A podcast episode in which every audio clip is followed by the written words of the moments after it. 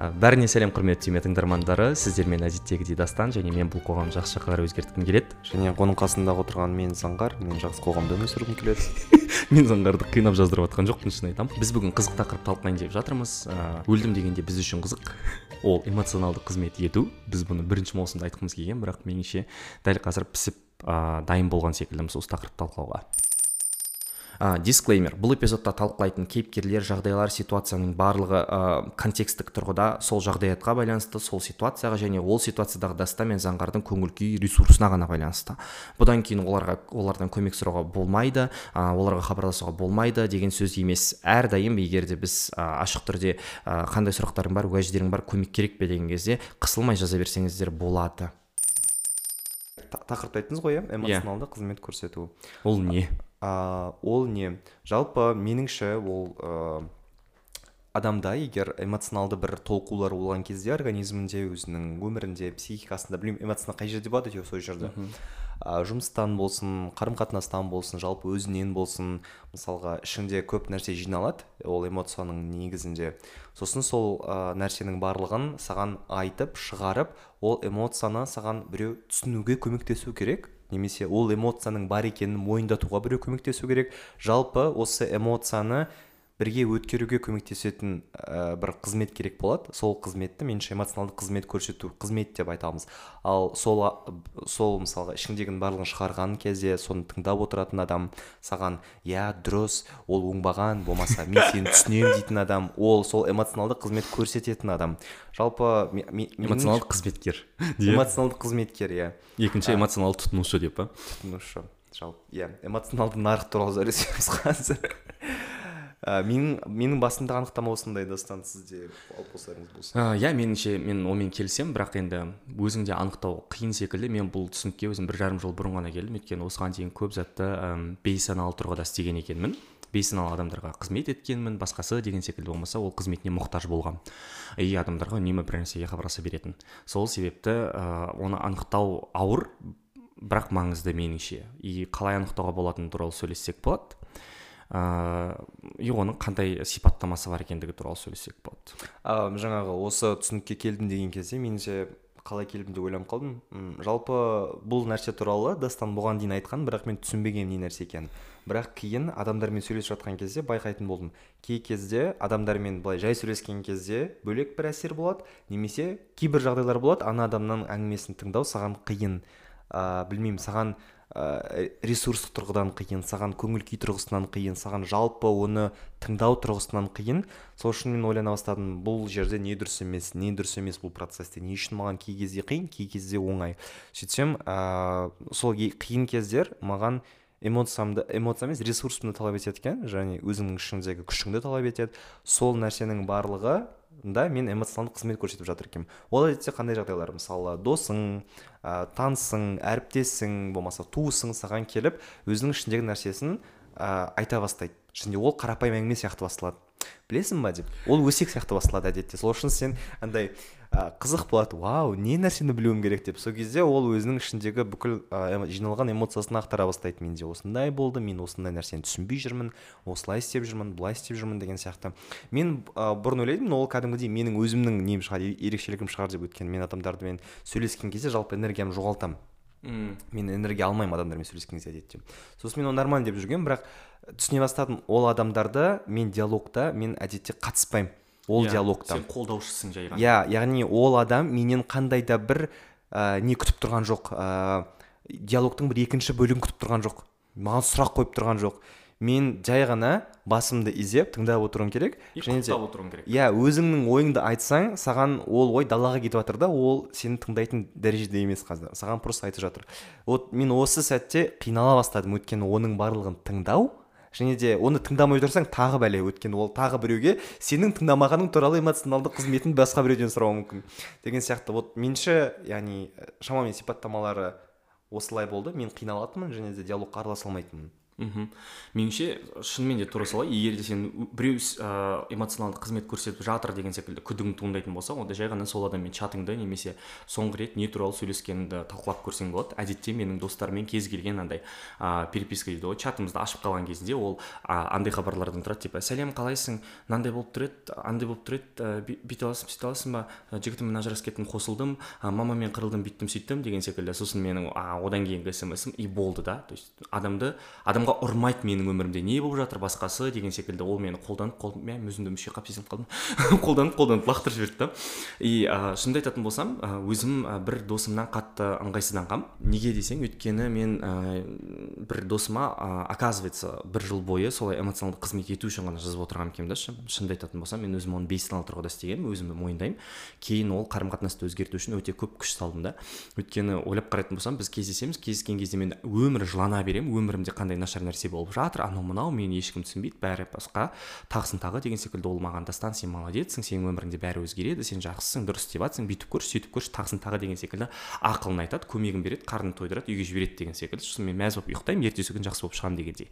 Сосын бір күні ойлана бастадым блин болмайды. Неге мен ыыы біздің қарым қатынаста біздің диалогтарымызда кездесулерімізде әңгіме тек мен жайлы және менің проблемаларым жайлы дегендей ойландым да. Сосын бір күні нарративті өзгерте бастадым. Одан да екі, екі тарапты қуанышты жаңалықпен алмасайық тағысын тағы жаңа әсер алып келейік леп алып келейік тек тамақ ішу мен шайдың төңірегінде емес басқа затта да сөйлесейік дегендей қылып. Мхм. И ол маған қатты көмектесті.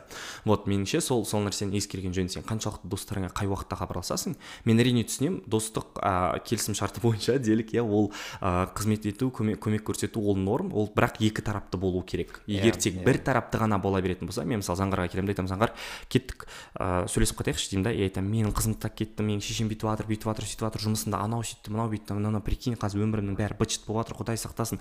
Ема деген секілді әңгімелер бола беретін болса онда ол эмоционалды қызмет ету. И неге ол жаман негізінде шын ойлап қарайтын болсаң ол екі тарапқа да жаман. Ол эмоционалды қызметті алып жатқан адамға да және беріп жатқан адамға да. Себебі беріп жатқан адам күші мен ресурсынан арылады. Күндердің бір күнінде сосын ол ойланады да мен мына адаммен кездесіп кездесіп малым шығып кетті. Кездескен сайын білмеймін бар ғой. Ыыы мүжілген сүйек сияқты болып қайтып келемін үйге. Атасының басына онда ол адаммен кездесемін дейді да ол адаммен кездесуден қашқақтап жүреді. Иә. А сосын ну мен қазір сондай қарым қатынастамын шынымды айтатын болсам соңғы жарты жыл болды. Өте көп достарыммен қарым қатынасымды алыстаттым. Себебі мен соңғы бір жылда оларға кәдімгідей ойлап қарайтын болсам жастық сияқты болып келдім. Әрқайсысы келіп бір жылап кетеді. Мен оларды жұбатамын арқасынан қағамын ә, шабытын беремін басқасын деген секілді. Сосын олар жоқ болып кетеді. Келесі жолы келген кезде қайтадан біліп отырасың уже проблемасы бар екендігін. Ойланып отырасың не болды бұл жолы дегендей кіммен қырылып қалдың сен кіммен ажырасып кеттің деп. Әсіресе ана қыз бен жігіт қарым қатынасын айттым ғой есіңде ма? Ыыы бір жұптарға араластырған кезде мә зыбым шығып кетеді шынымды айтатын болсам бар ғой модератор болып ойланып отырасың ғой. Бұл жолы не істеді? білмеймін жігіті смсіне жауап бермеді жауап берді басқа қызға лайк басты бүйтті сөйтті деген секілді. Уже отырасың ғой андай чат бот секілді болып. Сәлем егер сізге мынандай эмоционалды көмек керек болатын болса бірді басыңыз. Егер де сізге аудио хабарлама керек болса екіні басыңыз. Егер де офлайн кездесу қажет болатын болса үш батырмасын басыңыз деген сияқты сөйтіп отырамын шынымды айтатын болсам. Сосын ойландым да бір күні жоқ бұны тоқтату керек дедім да и көп адамнан біршама алыстадым. И қазір шынымды айтатын болсам өз өзіме келіп жатырмын. И осы кезде ғана мен өзімнің өмірімде не болып жатқандығын басқасын түсіне бастадым. Енді ойлана бастадым айтпақшы неге мен эмоционалды қызмет етуге бейіммін деген секілді. Өйткені екі нәрсе бар екен ше біріншіден мен кішкентайымнан ыыы ну көп адамдікіндей шекарамызды жеке қалыптастырмаған соның кесірінен адамдарға жоқ деу қиын. Екіншіден көмек сұрап келген адамның бетін қайтарма деген тәрбие. Үшіншіден ол типа сыпайылық. И төртіншіден ол біреуге көмектесуге деген мұқтаждық. Себебі біреудің проблемасын шешу әрдайым оңайырақ та. Типа өміріңде быт шыт болып жатыр өртеніп жатыр апыл ғұпыл малың шығып жатыр да. И отырып алып мә менің өмірімде мынандай жерде трэш болып жатыр мынаны реттейін дегеннің орнына саған заңғардың қызымен ажырасқанын жұмысында қырылғанын әке шешесімен күйініп жатқанын аралға барып келгенін тыңдап оны жұбатып отыру әлдеқайда оңайырақ. Как будто жаңағы достарының барлығы заңғар туралы айтқан сияқты болды кешір иә заңғар маған ешқандай қызмет көрсетпейді шын. Мен де одан қызмет алмаймын. Жоқ жалпы ә, меніңше ә, екі жақты болу ол өте үлкен ең маңызды шарт. Және де оны білу. Мысалы мен ә, жаңағыдай шайқорлардың ортасында өскен студент ретінде жас ретінде иә сүлеймен демирельде оқығаннан кейін. Ә, біз әдетте ол эмоционалды қызмет көрсету дегенді шай деп атайтынбыз. Және де мысалға ой сендер бәрі шай ғой. Өсек айту шай сын айту шай компромисске келу шай. жоқ жоқ. Әдетте эмоционалдық қызмет көрсету болатын мысалға. Шай ішу керек еді десең адам түсініп тұрады. Менде қазір ресурсы жоқ ресурсы жоқ. А, не емес ақшалай түрде емес кәдімгі эмоционалды ресурсы жоқ. Давай келесі аптаға. Келесі апта мен демалып боламын. Сол кезде екеуміз де бір бірімізге қызмет алмасып көрсетіп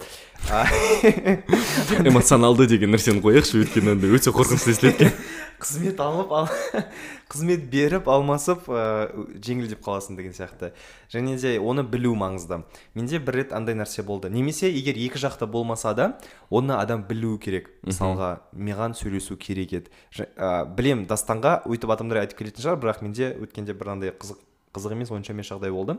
Ә, менің бір досым болған бар ол әлі де бірақ енді болған сол досым ә, хей сәлем короче мен депрессиядан шықтым ә, давай кездесейік деді мен о тема давай короче сөйлесейік ә, жаңалық алмасайық деп бардым.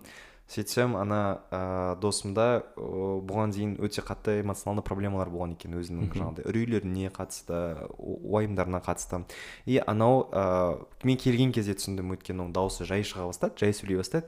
Мен түсіндім бұл жерде бір нәрсе дұрыс емес. Сөйтсем ол маған айтады менде бұған дейін үлкен проблемалар болған күні бойы мен ұйықтай алмай жүрмін менде осындай осындай үлкен қобалжулар бар уайымдарым бар мен оны шеше алмай жүрмін мен білмеймін не істейтінімді и мен соны мен мүлде басқа көңіл күймен келгенмін ана әңгімеге. Яғни мен ол адамды екі ай бойы көрген жоқпын. күтпегенсің оны. Мен күткен жоқпын. Және он, ол жердегі үлкен ә, мені қатты ренжіткен нәрсе андай болды. Менде қазір ол проблемаларымды ойлай берсем иә? Мен ол проблемаларымды ойлай берсем мен одан сайын жағдайым нашарлайды. Сондықтан давай сен маған өзіңнің өміріңнен әңгімелерді айтып бер. Мен сол ә, сенің әңгімелеріңді тыңдап отырып ә, проблемаларымды нетейін дейді. Жаңағыдай уайымды азайтып көрейін дейді. Ә, мен вообще түсінген жоқпын логика қалай жұмыс істейді. Мен ол адамның хал үстінде отырғанын көріп мен қалай өмірімдегі қызықтар туралы айта аламын. Және де не үшін? Мен оған типа бір айтып беретін адам сияқты болуым керек. Иә яғни ә, мен оны досым деп келіп тұрмын давай хотя бы саған көмек сұра менен маған бір көмектес деген жоқ ол менен көмек сұрамайды ол менен давай сен маған өміріңдегі әңгімелерді айтып бер дейді. Меніңше бұл қызмет көрсетудің ең сорақы түрі яғни типа маған бірдеңе айтып берші жұбатып иә қазір осыдан бірдеңеге өтеміз дастан уже күйіп жатыр. Ә, осындай маған бірдеңе айтып берші. Мен қатты білмеймін ол оны қатты ә, жаңағыдай нетіп көңіліме алып ыыы оны көмектескім келді бір жағынан. Екінші жағынан сол эмоцияларымды да бүйтіп бүйтіп еңсергім келді да не болып жатыр деген сияқты. Ә, мен содан кейін ойланып қалдым жалпы адамнан сен көмек сұрайтын деп жатсаң айт. Ол бере ала ма? Ол бере ала ма ол көмекті мысалға? Менің өзімде проблемаларым көп шығар иә? Иә мен саған давай екеуміз бірге проблемаларды айтып жылайық десең окей. Бірақ менің проблемамды сұрама сен маған өзіңнің өміріңдегі қызық нәрселерді ғана айт деген. Ә, қатты болды. Ә, сол үшін де оны екі жақты болу керек немесе екі жақты екі, екінші жақтың келісімі керек кемінде толығымен келісемін. Шынымды айтатын болсам менде де өмірімдегі біраз қарым қатынастар осының салдарынан біткен. Өйткені мен ыыы есімде біләл ғой кәдімгідей мына жағдайдың бәрі бар ғой. Біләл дедім пиқылдатпасаң болады. Өйткені ә, бір адам ә, досым сол кезде қолдауға мұқтаж болды да қолдау көрсеттім базар жоқ сосын бір кезде біраз уақыттан кейін жазады да қайтадан көмегің керек болып тұр көмектесе аласың ба тағысын тағы бір кетті екі кетті әрі қарай қарасам проблемалар біз әуел баста талқылаған заттан тыс болып жатыр да кәдімгідей ну мысалдан басында жұмыс туралы проблемасы сөйлесіп оған қолдау білдірсем одан кейінгісінде там отбасы қызы бала шағасы туыс туғаны туа жаты жекжаты деген секілді нәрселердің бәрі қосылып жатыр да такой excuse you. Бірақ мен бұған келісім берген жоқпын ренжіме дедім да айттым сори бұл эмоционалдық қызмет көрсету деп аталады. Менің оған мүлдем күшім жоқ шамам жоқ. Ә, ренжісең түсінемін бұл жауаптан кейін. Бірақ менің қазір өмірім кәдімгідей быт болып жатыр дегендей. Өйткені ну былтырғы кезде болды заңғар біледі ол жұмыста екеуміз де жүрген кезімізде там сол сол бір жыл бойы үлкен эмоционалды күйде жүргенбіз. Сол кезде сенен біреу ә, балаң андай балағыңды тартып көмек сұрайды да енді окей көмек көрсете аласың бірақ үнемі емес қой енді бір емес екі емес деген секілді. Сосын бір кезде ең пигі болды менің есімде командировкадан малым шығып басқа елде жүрмін. Ай түнгі сағат бірде жазады ғой вот кәдімгідей маған сенің эмоционалды көмегің керек дейді да такой сори психолог бар. Мен психолог емеспін менің біліктілігім әр нәрсеге жете бермейді мен өз травмаларымды саған проецировать етуім мүмкін. Сол себепті давай сен бірінші психологқа барасың сөйлесесің сосын айтасың сен аха дейді да бір жарым сағат маған текст жазады ол өміріндегі проблема туралы бар ғой. Мен айтып жеткізе алмаймын ана жерде қалай жынданғанымды. Содан кейін ол қарым қатынасты құртудың бүкіл амалын істедім. Өйткені мен адамға бір айттым екі айттым үш айттым адам тыңдамайды. Сосын саботаж жасай бастадым иә. Қарым қатынас құртылу үшін бүкіл нәрсенің қолымнан келетін айтпайтын затты айту істейтін токсик болу бәлематар деген пассив агрессияны көрсету. Өйткені мен білемін оның санасыз екендігі істегеннің барлығы. Бірақ адамға басқаша ә, жеткізу амалын түсінген жоқпын. Өйткені мен шынымды айтатын болсам ол адам жазса бірден түсінетін болдым да там рахмет екі күннен кейін жауап берейінші мен оқығым келмейді одан кейін түскен смсті өйткені белгілі не туралы айтатыны не туралы сөйлесетіні дегендей болды. Сосын әлі күнге дейін айтатын болсам солай. И маған ол нәрсе жақпайды. И ә, кейде сол ә, адамдардың да сол нәрсенің дұрыс дұрыс емес екендігін түсінбейтініне таңқаламын құрметті түйме тыңдарманы егер сіз бізге өзіңіздің кішігірім қолдауыңызды білдіргіңіз келсе және де дастан мен заңғардың эмоционалды күйюге тап болмауына себепкер болғыңыз келсе бізді каспи арқылы қолдай аласыз. Каспи реквизиттерін инстаграмдағы хайлайт сториста көрсетіп қоямыз. Біз ол қолдауды балмұздаққа тамаққа немесе жақсы демалысқа жұмсаймыз. И ондай қызмет көрсетші деп жылап келген адамдарды сен дофига ойлап қарайтын болсаң бар ғой. Біреу келеді да там мен жігітіммен ажырасып жатырмын ойбай! Ана тик токтағы прикол бар. Марина! деген сияқты. Тура солай тастан біреу үшін мырзасың ағасың басқасы ә, түйме басталғанда да сондай болған. Бірнеше адам қатарынан оқырман тыңдармандардан жазып шықты да оларға бір айтасың екі айтасың бірақ әрі қарай жауап бергің келмейді да өйткені. Ну менің өмірім бар сори менің өмірімде де андай эмоционалды ә, нем ә, диапазоным өте кең. Мен онсыз да күнде мың өліп мың тіріліп жатамын. Оны стористан да көріп жататын шығарсыздар. И ойлап қарайтын болсаң ол дұрыс емес. Өйткені әр адамның өз өмірі бар. Сори әр адам өз өмірінде зорланып жатыр және ол үшін жауапкершілікті өз өмірің үшін өз эмоцияң үшін жауапкершілікті біреудің мойнына іліп тастап ал мені таңғалдыр ал маған көмектес деп ыыы білмеймін дайын асқа тік қасық деп отыру ол дұрыс емес. Меніңше сен әрекет етуің керек. емдел психологқа бар терапияға бар бірдеңке істе. И өзім ойлана бастадым неге адамдар өйстеді деп. Сөйтсем оказывается адамдар менің сыпайы екенімді андай типа күшті жақсы қамқор деп ойлайды екен да ше. Мен соның ара жігін ажырата бастай бастадым өйткені басында ойлайтынмын мә ұят болады мына адамға жауап берсем тағы да ертең мені грубый деп қалар бүйтер сөйтер анау мынау. Ертең дөрекі сұмпайы жаман арам түймедегі дастан бір бөлек өмірдегі дастан бір бөлек деп сөйлеп жүрер дедім да үндемей жауап беріп жүре бергенмін. Сосын бір күні қатты шаршап кеттім да сосын түсіндім мен қалай бұл екеуінің ара жігін ажыратсам болады деп бір досыммен ұзақ уақыт сөйлестім. Сосын айтады да дастан дейді да егер де сен шекараңды бұзатын болса бұл нәрсе то есть сенің ол адаммен сөйлесуің қолдауың күшіңді талап ететін болса күшіңді тартып алатын болса ыыы сен одан шаршап келетін болсаң онда ол сенің шекараңды бұзып жатыр дейді да. Ал егер шекараңды бұзбаса онда ол норм деді и меніңше сыпайылық та тура сол нәрсе да. Сыпайылық ол сенің шекараңнан тыс жатқан дүние да. Сен оны адамға білдіресің сіз біз деп сыйласасың сөйлесесің көңіл күйін сұрайсың бәрі жақсы болады деп айтасың арқасынан қағасың дегендей. Бірақ әрі қарай емес. Егер де сенің адаммен қарым қатынасың тек сонымен өзіңнің арқаңды қағып кеудеңді басып уф иә жеңілдеп қалдым деу үшін ғана болатын болса мешітке барып тігдік білмеймін бар ғой мен не дейтінін. Психологқа бар моншаға бар білмеймін бар ғой. А бірдеңке жалдап алып бар ғой. Колл центрға звондап өлік өлгім келіп жатыр деп хабарласып бірдеңке істе білмеймін. Бірақ тек бір адамнан ғана көмектің көмек болып жүре беру көмегіне мұқтаж болып жүре беру ол жауапкершілікті өз мойнынан алып тастау меніңше. Ол есейген адамның әрекеті емес ес жиған адамның әрекеті емес. Әр адам өзі өмірі үшін өзі жауапты және ол нәрсені түсіну керек секілді меніңше. Мен түсінемін андай егер де екі тарапты мә сағынып кеттім бір пәле деп хабарласып жатсам іздеп онда окей no worries. Бірақ егер адам өйстіп зорланып жүрген кезінде тағы да біреу келіп алып мені маған мотивация берші көңіл күйімді көтерші деген кезде мен саған беретін банк емеспін көтеретін домкрат емеспін бар ғой. Ренжіме бар ғой. Дастан деген маңдайымның үстінде простамол уно деп жазылып тұрған жоқ бар ғой сенің проблемаларыңды шешіп беретіндей бір жеріңді көтеріп беретіндей бірдеңкеңді көтеріп беретіндей. Сол себепті өйтіп хабарласудың қажеті жоқ бар ғой. Өз өмірің өзіңе жауапкершілігіңді ал да бір әрекет етші дегім келеді бар ғой. Сен де байзалыңды шығара бермеші деп. Өйткені білмеймін бар ол заңға мен шын өте ең қатты қажытатын меніңше осы қызмет ету де қызмет алу да меніңше. Өйткені уф соңғы уақытта өте көп нәрседен естідім көрдім и шаршап кеттім. Шар, кәдімгідей шаршайсың сол адамдардан. И қазір мен тіпті демалыс күндердің өзінде сол адамдармен артық қарым қатынасқа жоламас үшін үйде ауырып жатырмын деп алдайтын болғанмын ғой. Ең ана коронавирусқа құдайым рахмет деп мә менің че тамағым қышып жатыр әлеуметтік жауапкершілігі бар адам ретінде мен кішкене андай пцр тапсырғанша үйде жата тұрайыншы дейсің да бір кейін есің жиып гүл болып жүресің ғой кәдімгідей. Өйткені ең күшті көмектесетін сол ну білмеймін енді қайғырсаң проблемаң болса аниме көр наруто көр жылап өкір бірдеңке істеші бірақ біреудің мойнын асып қоймашы оны. Меніңше ол біртүрлі ғой. адамдар осы ол нәрсенің қызмет екенін түсінбегеннен кейін ол адамдар бірдеңе беретінін де түсінбейтін сияқты яғни сен өзі ұстап тұрған адам. Сол үшін де олар ойлайды әдетте ыыы кейде болады мысалға сенде андай бір адамды қатты жақсы көріп тұрасың былай адам ретінде. Сол үшін оған бар ә, ақылыңды айтасың көмегін тиг- тигізгің келеді мотивациясын бересің жаңағыдай иә қолыңнан келеді мен саған сенемін деген сияқты. Ол өзің ерікті түрде жасайсың. Бірақ адамдар кейде ол нәрсені андай тегін нәрсе деп ойлап қалады да. Талап етеді ғой адам мысалға заңғарда ә, осындай мотивацияның қоры бар. Шексіз түбі жоқ қоры бар және де оны кез келген уақытта сұрасам маған бере салады және де мен оны ала саламын да күшті болып кете саламын деген сияқты. Адамдарға оңай көрінеді өйткені қызмет екенін түсінбейді.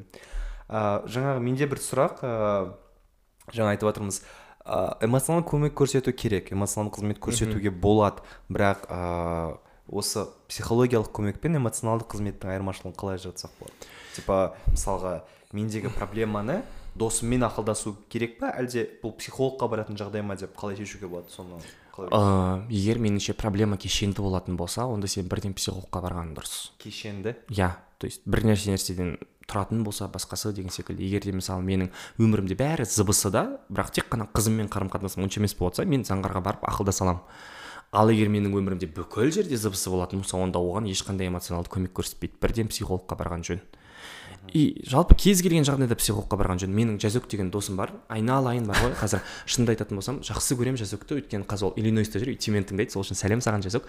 И жазөкқа бірдеңке деп айтатын болсаң типа қалың қалай көп болды сөйлеспегелі бәрі норм ба басқасы ма? десем иә дастан уайымдамай ақ қой дейді да соңғы сөйлескен кезімізде. Бәрі жақсы анау мынау уайымдап жүрген жоқсың ба көмек керек па? десем жоқ нормально дастан мен бәрібір психологқа барып жүрмін дейді да о қандай күшті десем иә меніңше типа ә, кез келген қызметтің ақысы болу керек және де әр адам өмірінде зорланып жүрген кезінде біреудің мойнына масыл болып ілініп маған көмектес деп көмек сұрап отырған мән, мәні жоқ секілді.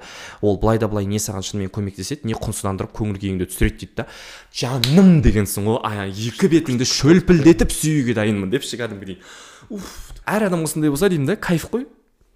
И ә, мен де сөйтемін егер де мысалы өмірімде бір проблема бір жерде ғана проблема болатын болса біреуден көмек сұраймын. Рұқсат достар жеке шекара достар бәрі осыған келіп тіреледі. Сонымен салдар туралы айтсақ болатын шығар. Бұл бұл иә. нәрсе не? Ә, меніңше ол ә, дұрыс емес эмоционалдық қызмет көрсету және берудің салдары ол жай ғана ну ең оңай ә, ең былайша айтқанда қарапайым несі. Ол қарым қатынастан айырыласыз. Адам жоғалтуыңыз мүмкін адам сізбен сөйлескісі келмеуі мүмкін. Меніңше біріншіден егер сен қызмет ететін болсаң онда сен өзіңді толыққанды ол қарым қатынастың мүшесі ретінде қабылдай алмайсың бар ғой сен ә, қарапайым күнделік сияқты боласың. Адам келеді жылап кетеді ә, болмаса андай не секілді майлық сияқтысың бір сіңбіреді да кетеді саған дегендей. Вот ол осы. Екіншіден меніңше бағанағыдай қарым қатынас бітуі бір сәрі бар ғой. Өйткені мен мысалы бағанағы достармен қарым қатынас тоқтата салуыма бір болады ғой. Бірақ мен олармен тоқтатпас бұрын қарым қатынас өзі ақ бітсе екен деген тілекпен жүрмін да. То есть қарым қатынас тоқтаса сен оны ең құрыған тоқтатсаң кейінде келешекте жалғастыра аласың. Ал мен ол адамдармен тіпті жалғастырғым да келмейді қазір. Меніңше ең жаманы осы. Өйткені ол адаммен түбегейлі қарым қатынасың ә, үзіледі ә, мүлдем сөйлескің келмей қалады басқасы тағысын тағы дегендей. Вот осы. Иә ә, жалпы ә, сөздің тоқ етеріне келсек ә, проблеманы ә, шеше алатын тек адамның өзі ғана. Мхм. Және де ең бірінші жауапты және де жетекші сол шешу процесінде ол өзі ғана. Ал басқалары досы ортасы тек қана көмекші қолдаушы және де оның барлығын тек адамды ә, оның барлығы сенің проблемаңды шешіп бермейді. Адам сенің проблемаңды шешіп бермейді. Сол үшін ә, ең бірінші кезекте өздеріңізге көңіл бөліңіздер өздеріңіз сол проблеманы түбегейлі жеткізіп болғаннан кейін ғана барып маған мотивация берші деп емес қалай ойлайсың ә, мен қай қабілеттерімді көрсетсем болады деген сияқты нақты запроспен нақты эмоционалдық қызмет екенін түсіндіріп адамға. Одан кейін рахметін кофеңізді алып беремін деген сияқты нәрселермен. Өйткені шынымен де кез келген нәрсенің қызметтің ақысы болу керек. и рахметі болу керек. Тағы бір қосып айтқым келіп кеткені маңызды бір салдары бар секілді. Өйткені эмоционалдық қызмет көрсете бергеннің салдарынан сен ә, қызмет етіп жатқан адам токсик болып кететін сияқты уақыт өте келе болмаса сондай токсик болғысы келеді. Өйткені мендей қазір біреу көмек сұрап келсе ана нұрлан имам сияқты болғым келеді. Бір ғой отырып дикий қабан не дикий қабан деген секілді. Шынымен сөйтіп жауап бергім келеді бір ғой. Типа ойбай қызыммен ұрыс- ұрыс- ұрысып қалдым десе ұрыс төбелес ажырас қырыл қират сойқан маған бәрібір дегендей қылып ше екеуіңнің араңда болып жатқан зат деген. Или там жұмысыңда бәрі жаман болып жатыр не істейін деген кезде ну жатып алып жер дегім келеді бір ғой. Кәдімгідей бар ғой ше. Ә, сонымен ә, осымен эпизодты аяқтай берсек болады. Сіздерге көп көп рахмет. Бізді apple google бүкіл плат- платформалардан тыңдаңыздар инстаграмға жазылыңыздар. Ә, бізге пікір білдіріңіздер бөлісіңіздер достарыңызбен. Біз тыңдармандарымыздың саны артқан қайта артқанын қатты қалап жатырмыз. Себебі ә, рейтингіміз қатты түсіп кетті. Бізге топ топ чарттарға кіруге көмектесіңіз.